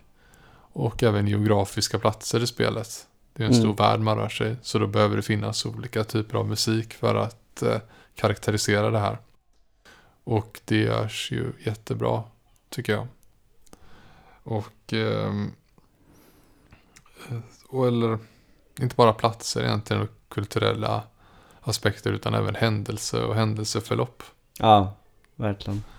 Eh, och att uttrycka liksom känslor eh, utav vad som händer är verkligen, ja, det är toppnivå skulle jag säga. Mm. Det, ehm, frågan är om ens första placeringen kommer i närheten utav det här eller något annat som skulle kunna vara med och tampas. Ja, Och då undrar ni kanske, vad är guldkorn på den här? Ja, om man köper CD-albumet så är det fyra skivor. Men eh, vad, vad är det bästa? Jo, det finns, förutom det som kallas då Still More Fighting i vissa sammanhang, eller Those Who Fight Further. Alltså det, när jag satt och meta datakorrigerade det här albumet så blev det väldigt mycket så här. Eh, ska jag döpa det här temat till Anxiety eller Anxious Heart? just det. Just Och så det. vidare. Ja. Bara, ah. Ehm, så det är väl det sämsta med albumet egentligen. Att Ja. de inte lyckats Inte vara... alls OCD-anpassat. Nej. Så här, hur ska ni ha det? Och eh, men eh, så förutom det temat så eh, ja, vi har ju Cosmo Canyon Mm. som är Det var faktiskt det första temat som jag fastnade för jättemycket. För det hörde jag långt innan jag spelade spelet. ja, men det är så här. Det sopar mattan med Dragon Roost Island om man ska ta liksom saker som har samma kulturella inslag Mm. i sig. Och då är ändå Dragon Roost Island från Wind Jätte- Waker pratar vi om nu. Det är typ ett Jättebra. av de bästa temana i det spelet. Ja, Så ja, det är liksom det som är fundamentet och substansen i den här skivan. Att hitsen är helt, det tror jag du nämnde, på Mm. din, att det är liksom en best of skiva. ja, Och jag älskar Genova-temat. Och ehm, jag för mig att det är inte du som har sagt eh, Vem blir inte glad av att höra Market? Alltså Ja. i, just i eh, Ocarina of Time. Ja, Hallå, ja. vi pratar om eh, Golden Saucer. Ja, just det. Ja, men den, den eh, är väldigt så, ja. Det, då blir man alltid lite glad, ja. Ja. Så, och det är ju liksom, det är ett fjantigt tema. Men Ja. eh, där har vi också vidare bredd. Och eh, jag menar Costa del Sol, eller vad heter den? Mm. Eh, skulle ju få vilken Malsoft eller Softmall kompositör att önska att den kunde göra så här bra musik till Mm. en shopping mall någonstans. Eller eh, vad heter det? All inclusive resort eller någonting. Ja, Så ehm, ja. Jag har nästan behövt en lista här framför mig. Ja, på ja. alla så att jag inte nämner för få. Nej men det är alltså, vad är det den heter? Under the Rotten Pizza eller vad heter det? Ja, just det. Ja. det är också, jag tycker det är grymt det temat. Ja. Jag har alltid det som eh, uppbyggnad till att eh, bossmusiken ska komma då. Mm. Nej men, eh, ja det, det, jag hade ju med det här på min lista. Så vi har eh, lite spegelversion eh, här med att, vad var det? Pokémon var trea på min lista och nia på din. Och ja, det minns jag inte exakt men var det att Final Fantasy 7 alltså tvåa på din och var åtta på min eller något Mm. Så att det, ja det är lite, det är bara lite ren preferens eh, så. Mm. Men eh, absolut, det är ju ett, eh, det är ju ett fantastiskt soundtrack och sådär. Och ehm, i, i viss utsträckning tror jag också att det blir lite ehm, knutet till att ett soundtrack ändå... Eh, vi kan ju tycka att låtarna är, alltså på något plan så är det självklart så att vi försöker utvärdera vilken musik vi tycker är bäst. Så. Men Eh, det kommer ju vara väldigt starkt förknippat med att man har en känsla för spelet i fråga. Eh, det, är, Ja. li- det är liksom... Det är klart att det hjälper att, eh, för min placering av Mega Man 2 att jag älskar spelet Mega Man 2. Och samma med Pokémon Röd. Då med tredjeplatsen. Final Fantasy 7 tycker jag verkligen är ett bra spel. Men det hade liksom, det kom rätt sent i mitt liv. Jag spelade det när jag var kanske 17-18 eller något. Alltså jag var, det var 2005, way after the fact liksom. Så det lämnade inte det där avtrycket eh, att det här var ett äventyr från min, du vet, Mm. eh, min spelungdom eller spelbarndom kanske jag ska säga. Ja. Och, då, och då kanske det har färgat rätt mycket varför det för mig inte kom upp i riktigt samma placering. För att tittar jag bara på själva musiken så skulle det mycket väl kunna göra det. Men, ehm, men jag har väl inte exakt samma känsla för Final Fantasy 7. Mm. Jag förstår. Och för de som undrar så håller jag fortfarande på att lyssna på, alltså jag håller på, vad heter det? Det låter som att jag gör det. Men jag Ja. väntar med att lyssna på remakes eh, soundtrack. Ja. Det kommer jag göra. Men eh, eh, inte än helt enkelt. Jag har en kompis som eh, har resonerat likadant. Han vill ju vänta eh, med att spela de här Final Fantasy Remakes. Vem vet om han väntar tills alla tre är ute eller ja, för det lär väl bli tre delar. Mm. Eh, och ja, då kanske han får vänta väldigt länge. Men jag var så här, okej men du, du måste, alltså kör ett smakprov liksom så du, du vet vad, du, vad som väntar liksom. Mm. Och då var det faktiskt, då eh, lät jag honom eh, lyssna på Those Who Fight Further då. Eh, som lu- lustigt nog i originalet inte är liksom ett av mina absoluta toppteman. Det är bra men, men inte på den nivån för mig. Och däremot i remaken tycker jag att det är liksom ja, så kick-ass att det inte är klokt. Så att, eh, Ja, jag är egentligen korkad som inte gör det. Men ja, då har jag någonting gott att vänta på, Ja. antar jag. Eh, ja, så mm, andra platsen var det där för mig och dig. ja, Så får vi se om jag inför första platsen kommer på ännu fler saker jag måste slänga in.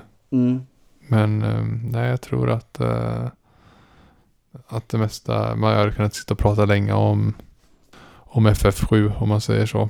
ja, För eh, så är det ju, alltså jag lyssnar ju på soundtracket som skiva.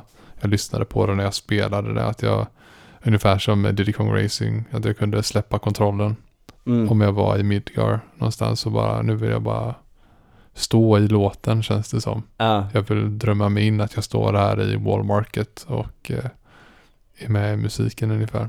Tog det dig hela livet att liksom koppla att Walmarket antagligen ska vara Walmart? Ja, det är ju liksom, det var ingenting jag tänkte på då. För Nej. att, för att ja, man visste knappt vad Walmart var då, Nej, antar jag. men det är Nej. sån här lite... Ah, jo, okej. Mm. Plötslig insikt. Eh, ja, för jag tror också att det heter typ Water Market, uh, Mm. Market då, Eh, Mm. Och inte du vet någonting som så här, ska låta, ja, vad blir det, typ Kaben och Shijo eller något sånt. Nej, jag, jag, jag är för, jag ska inte gissa just nu. Jag, det var för länge sedan jag skulle komma ihåg vad market heter på, på japanska. Så, Jag har bara hört market då. Alltså, och, ja, jag, vill, jag är ju alltid så här att jag vill kunna, du vet, det ursprungliga ordet. Men de själva säger ju rätt ofta katakana-ord och så. Ja, och eh, alltså i de sammanhang där man kanske hade stött på ordet tas det ju till och med bort. Till exempel som i supermarket. Då är det ju bara supa. Mm, just det. Så Just det. yeah. Det var våra andra placeringar. Så nästa avsnitt tror jag kommer vara ett sånt här treakts avsnitt också. Så då kan vi ta första platsen. Ja, Vad kan det vara? Det får ni tänka på tills dess. Eh, har ni några gissningar så ja. Våran Instagram är väl det bästa ja stället precis. att eh, slänga iväg sådana. Kör där. Mm. För nu är det dags då för tredje delen utav avsnittet.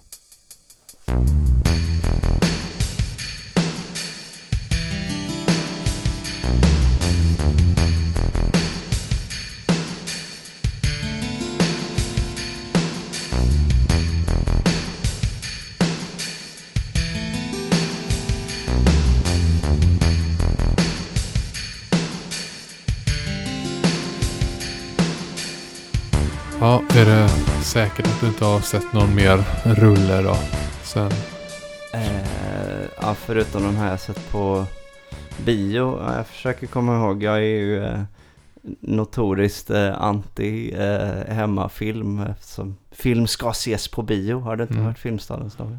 jo, jo, jo. Jag vet att bio, att du har rätt i det. Att bio borde ju vara den ultimata filmupplevelsen.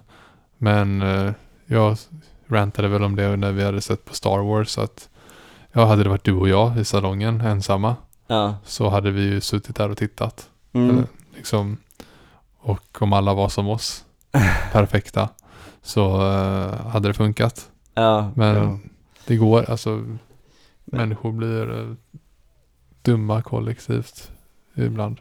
Ja, eh, nej, men jag försöker komma ihåg om det ens varit, eh, jag borde ha sett någon i alla fall, men då tappar jag såklart bort det just nu. Det har ju kanske inte varit så här löjligt många nya under de senaste Mm. ett och ett halvt åren eller sådär. Däremot så kom jag på nu att igår började jag och eh, en kompis prova att se den här eh, live action versionen av Cowboy Bebop. Mm, just det. Eh, jag, jag gissar att du som inte gillar anime, du har ändå blivit rekommenderad just den serien säkert eh, några gånger. Eh, Alltså du menar själva animen? Ja, Jo, jo. eh, och den är ju en av mina favoritanimer, så då gav jag den här ett eh, försök. Eh, jag fick ändå hålla med eh, IGN-recensionen, jag läste ganska mycket, för eh, de, de gav den 7 av 10. Ja, jag vet inte, den kanske, den kanske egentligen är aningen sämre än så, men de sammanfattade lite med att eh, ja, det kanske att det må vara en låg ribba vi snackar om, men det här känns som eh, bästa anime till live action adaptation man sett. Alltså lite som när man pratade om att någonting är bästa tv-spelsfilmen. Vet, ja, det kanske inte betyder så mycket, you know, för Mm. ja, det är väldigt låg ribba eh, som sagt. Men ehm, jag tyckte att det är uppenbart att det är någon som gillar serien och velat, du vet, fånga att den har en speciell stil, eh, en lite speciell jargong och ja, alltså med andra eh, grejer så kan det vara väldigt mycket det här att eh, det är uppenbart att de tycker att källmaterialet skulle bli lite för cringe om man bara körde det rakt av. Och här har de försökt vara lite mer lite trognare och, och sådär. Däremot så är det vissa grejer då som de lägger in som faller väldigt platt. Eh, exempelvis så skurken i Cowboy Bebop eh, är någon som är väldigt tystlåten och du kan, alltså lättaste sättet att beskriva honom är, I don't know, en Sephiroth typ ungefär, fast utan hela du vet gudskomplex-grejen och så, utan bara en maffia kille samma typ av hår, samma typ av svärd, samma Mm. tystlåtenhet liksom. Eh, och här är han så här en, nästan en karikatyr. Eh, och, en, och rätt mycket av en fjant tycker jag. Och, och det blir ju väldigt tonmässigt off. Mm. Kan, ja, utan att du sett så kan du kanske tänka dig in då i att, aha, nej det låter ju inte som att det kommer klaffa. Eh, så. Ja, men så att, eh, men du då? Är någon, Eh, började i fredags. Kom halvvägs igenom den här. eh, Det var, vi bråkar alltid om vilken film vi ska se. ja, vi med. Ja. För jag, jag, jag vill alltid se på western. Och, och inte alltid, men det, det finns alltid någon man inte har sett. ja, Och, eh, och det går inte hem. nej, Så ja, visst, jag, jag såg ju faktiskt en. Det var lite, för, för, förra hösten så var den här eh, Lovecraft Country. ja just det. Och eh, det väl lite samma eh, regissör men eh, huvudrollspersonen är densamma. Ja, I eh, eh, the, the Harder They Fall tror jag den heter. Som jag Okej. såg nu. mm. Och den var också så här en ny twist på western kan man säga. okej. Eh, men den eh, den var inte jättebra. Nej. Men eh, den var ändå underhållande. Men som då min sambo sa när hon eh, satt bredvid mig. Hon bara, det som jag verkligen lite gillar med western är att det är så jävla mycket pang-pang och macho. Och så, här, ja, det kan det faktiskt vara.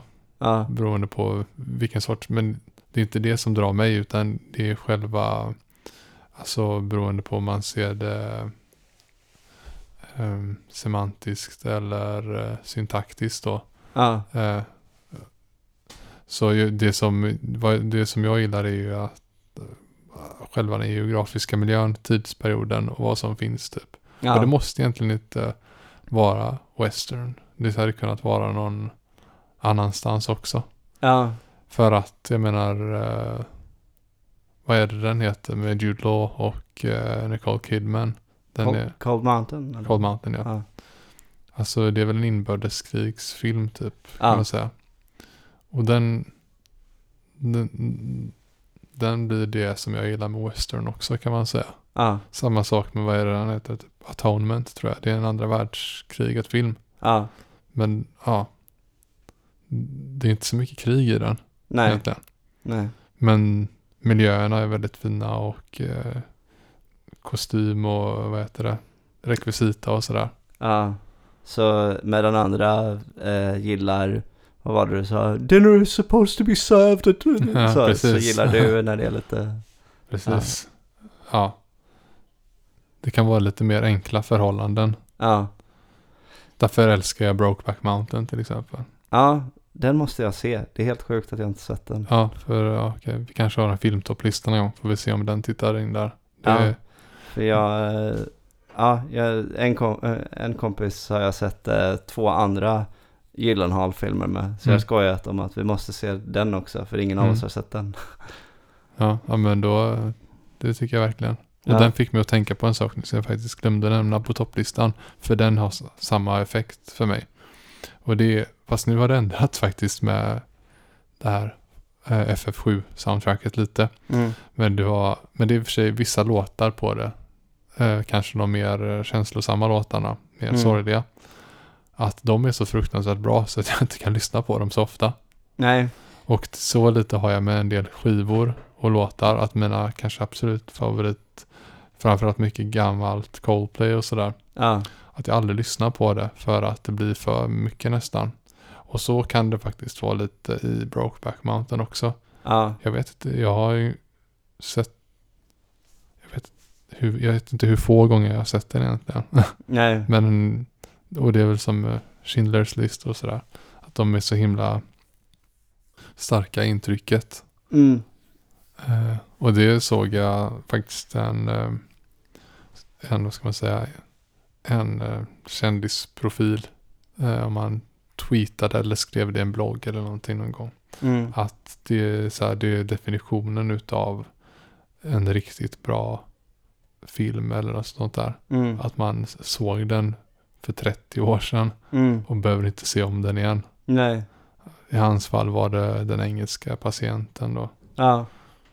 Eh, Nej, ja, jag har också den där tendensen med ganska mycket att jag drar mig för att eh, lyssna sönder eller se sönder eh, om det är någonting jag tycker är, som du beskriver det mer, att det är väldigt starkt. Alltså självklart kan jag ha en låt jag tycker är jättebra bara för den har världens skönaste slinga man bara vill höra Mm. eh, om och om igen. Alltså en sån där låt som jag har hört 500 gånger är If I Ever Feel Better av Phoenix då liksom. Mm. Den, jag kommer aldrig tänka, nej men den kan jag inte lyssna på för den är för stark om du fattar vad Mm. jag menar. Men ska jag ha andra låtar som jag är så här, nej men den får aldrig bli en slentrianlyssning. Det, det, den, Man måste sitta ner och... ja det, precis, det, jag får aldrig höra den här låten och känna att den betyder ingenting längre för det har liksom urholkats hur många gånger texten hörts och hur många gånger melodin hörts.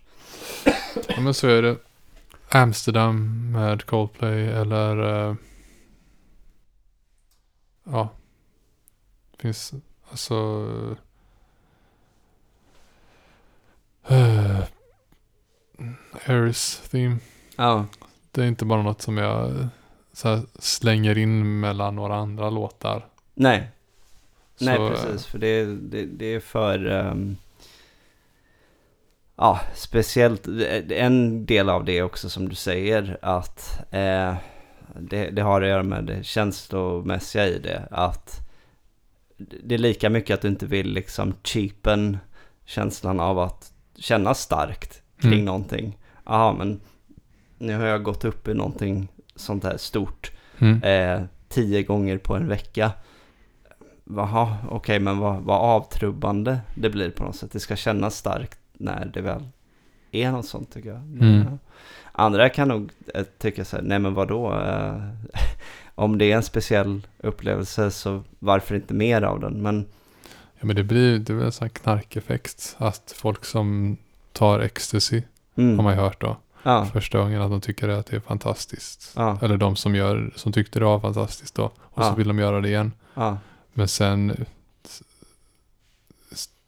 som jag har förstått, eh, nej det blir väl inte samma effekt kanske, men de som tar det ofta blir deprimerade emellan för att det är bara då de kan vara lyckliga ungefär. ja. Så är det ju inte här. Det här blir det väl snarare tvärtom, att det som var så fantastiskt blir ganska mundane, om man säger så. Ja.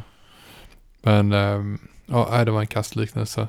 Nej Men- men jag, jag förstår ändå vad du menar. Att det, Man, eh, man, jag tycker man ska att... inte knarka det, det bästa helt enkelt. Nej, jag tycker att, eh, och jag kan också bli lite, eh, känna mig lite beskyddande kring det jag tycker om mest. Att jag vill, jag vill inte ha, du vet, någonting som jag har känt hela tiden. Det här var en sån 10 av 10. Och så går jag tillbaka till det 10 år senare och märker, åh nej, det är inte det. För i mitt minne så är det fortfarande den här upplevelsen jag kände så, eh, så starkt för. Nu, ja, sen kan det ju variera eh, från grej till grej. Jag har ju till exempel noterat någon gång att eh, när Dexter kom för 15 år sedan, nu är det en, kanske inte den starkaste serien om du förstår vad jag menar, men jag vet att när den kom så tyckte jag wow vilken otrolig serie liksom och jättefängslande och allt det där. Och sen så försökte jag se om den eh, för fem år sedan och var bara så här, det här är inte ens bra. Alltså det, det är så långt den fallit. Det, det, är inte, det är inte oj, det är inte vad jag minns, utan det är mer så här, hmm, jag tycker nog inte ens att det här är bra längre. Mm. Och då, eh, ja, det, det, det gjorde mig inte så mycket, den insikten den gången. För den var inte liksom en känslomässigt betydelsefull serie. Men, men om jag gick tillbaka och så säger vi att det var eh, Lost in translation eller någonting. Och jag insåg så här, aha, men den här är ju jätteplatt egentligen. Då hade jag tyckt det var rätt deppigt att inse. Ja, kanske den är. Jag också, jag tyckte inte den var så fantastisk första gången så jag har inte sett om den. Nej. Men ja, annars halvvägs i fredags eh, genom den här Red Notice. Bara för att ja, den, vi skulle se någonting som var hett. Den Ja, håller väl på att slå något streamingrekord på Netflix nu tror jag. okej. Så ja, det är ju där märker man att de inte i alla fall eh, så här eh, smyger med att de har gjort något annat än ren underhållning. Ja. All, allting man ser i den här filmen har man sett i någon annan film. Ja. Men eh, alltså, så det, ja, det, vad, är, vad är det det heter? Alltså, man, de gör det för fansen antar jag. Ja. Jo, ja, men den, den känns inte som att det är liksom, jag jag såg affischen, några bilder och så där och var så här, det, det här är nog inte liksom peak cinema riktigt, men Ja, eh, men det blev som, för att när vi hade sett igenom halva så hörde jag bara, men det här var en dålig film. Och jag bara, ja den är inte så jättebra, men nu har vi sett halva så nu får vi se klart den. Så vi får se om vi ser färdigt den ikväll eller inte. ja. Nej, men där är det lite så också att, alltså, ja, ehm, det känns ändå som en sån här typisk film. Alltså när man ibland hamnar i, du vet det här med, hur, vad spelar det för roll med, med utseende och sånt i, eh, i, du kan ta vad som helst, film eller spel till och med. Eh, det dyker upp ibland, det, Mm. den diskussionen är med, men det känns som att om du byter ut Eh, för är det Ryan Reynolds? Eh, eller? Ja. Ja, så om du byter ut Ryan Reynolds och Gal Gadot mot liksom två väldigt eh, generiska människor liksom utseendemässigt. Mm. Men de är liksom, deras skådespelartalang eh, då tar vi, är helt oförändrad. Deras delivery är helt oförändrad. Jag menar, det är, vi är primitiva nog att den filmen tilltalar inte lika många. För det är bara så här, ja men det är skönt att se på att det här är ju attractive people liksom. Så Ja. att det, och, och man kan tycka att det där är så här jätte sämst eh, av oss. Men Mm. det, det känns ju som ett faktum också. Att det blir väldigt mycket så. Ja. Så, Så ja, ja så ja. Och hoppsan så. Eh, köra lyssnare. Som ni märker så är det här då vad som blir avsnittstiteln helt enkelt. Så den här nya serien som vi får kalla för Slask helt enkelt blir en fortsättning utav vårt kallprat. Ja. Och en chans för oss att om vi har någonting vi vill återkoppla till i föregående avsnitt så vi tyckte vi missade eller korrigera eller så vidare så kan vi göra det här. ja, Så det blir inget sånt här eh, tema. tema som eh, man måste sätta sig in i. Utan snarare kanske man behöver ha lyssnat på andra avsnitt för att eventuellt fatta. Men du hade väl någon rättelse? Typ? Ja, det, den här gången har jag en rättelse och det är väl vad det får bli. Eh, för att, ehm, ja, vi tänkte att det här avsnittet i stort blir väl något slags ungefär vi lever, vi är tillbaka. ja, exakt. Men förra avsnittet hette ju Peak underhållning. Och ett resonemang som jag drev på där visade sig vara lite av att jag satt och motsatt, motsade mig själv Ja, ganska rejält. Om man, om man tolkar det på det viset jag gjorde i alla fall. Eh, Vilket jag tror att många gjorde. Jag sa, en stund sa jag att underhållningsmässigt så har vi, eh, för att vi ska kunna ta oss förbi den här eventuella piken om vi har nått den. mm. Att det ska gå ännu ett steg längre. Ungefär som att eh, man först gick till att det fanns spel som var tvådimensionella som sedan blev tredimensionella och så vidare. Då behöver vi ta ett tekniskt kliv som gör att till exempel ja, augmented reality eller virtual reality verkligen funkar på riktigt. ja, Eller stoppa chip i nacken eller på hornhinnan eller vad det än blir. ja, Att man behöver göra ett stort sånt steg för att vi återigen ska få den här magiska upplevelsekänslan och ta oss till en ny nivå. ja. Ungefär så som det blev när vi för första gången klev in i Mario 64. Mm. Samtidigt så sa jag väl lite senare att vi har teknologin men vi vet inte hur vi ska utnyttja den. ja. Så det blir lite, Eh, men, och det blir motsägelse. Vad jag menade där var nog mer bara att eh, eh, det första resonemanget där är det väl ganska kanske glasklart att det behövs tas ett nytt steg för att man ska få en sån här wow-känsla utav utvecklingen utav underhållningsmedium. mm. Men det andra eh, andemeningen var nog mer bara att eh, den håller ju på liksom hela tiden att utvecklas på en mer eh, eh, inte så brant kurva, alltså Mm. tekniken. Vi får Mm. bättre grafik hela tiden och bättre AI och sådär. Ja. Men fortfarande så blir det ju på något sätt, det blir bättre men det är också vad som förväntas med tiden kanske att det ska bli bättre, att det inte ska stagnera. Men det Mm. blir inte det här liksom att nu tog vi visst ett skutt bättre i kvalitet. Nej. Och, och det var det jag menar att där vet vi kanske inte riktigt hur vi ska få vidare berättande konsten riktigt. Nej, precis. Vi, ja, att de här kliven kanske inte är lika påtagliga. Lite som från konsolgeneration till konsolgeneration numera och så. Mm. Men jag tänkte i och för sig också på det här du sa nu att du nämnde ju till exempel AR och VR och så. Eh, och att de finns ju liksom och har funnits rätt, ett hyfsat bra tag nu. Ja, Men ja, och nu ska jag inte vara sån. Jag, jag tyckte nog, jag har hört många säga mycket positivt om, eh, jag tror det är Astro Boy. Eh, jag, den enda gången jag själv provat VR så var det lite speciell upplevelse ändå, absolut. Um, men det känns som att, okej nu ska jag inte göra en så hård jämförelse, men eh, en, en grej man brukar skoja om är ju lite det här att i hoppet från 2D till 3D så jag kommer inte ihåg om det var typ 1995 eller något sånt som Bubsy 3D kommer liksom. mm. Eh, och det är ju tekniskt sett ett 3D-spel men det är liksom så här det är ingen som kommer komma ihåg att vilken wow-känsla jag fick när jag plötsligt spelade Bubsy 3D efter att ha spelat Super Mario World eller någonting. För det är ett skitspel. men, men alla kommer ihåg klivet till 3D när det var Super Mario 64. Mm. Nu har jag ju hört en del eh, just tycka att eh, Astro Boy, tror jag det var, eh, hade lite den eh, effekten faktiskt. Att oj, VR är for real nu.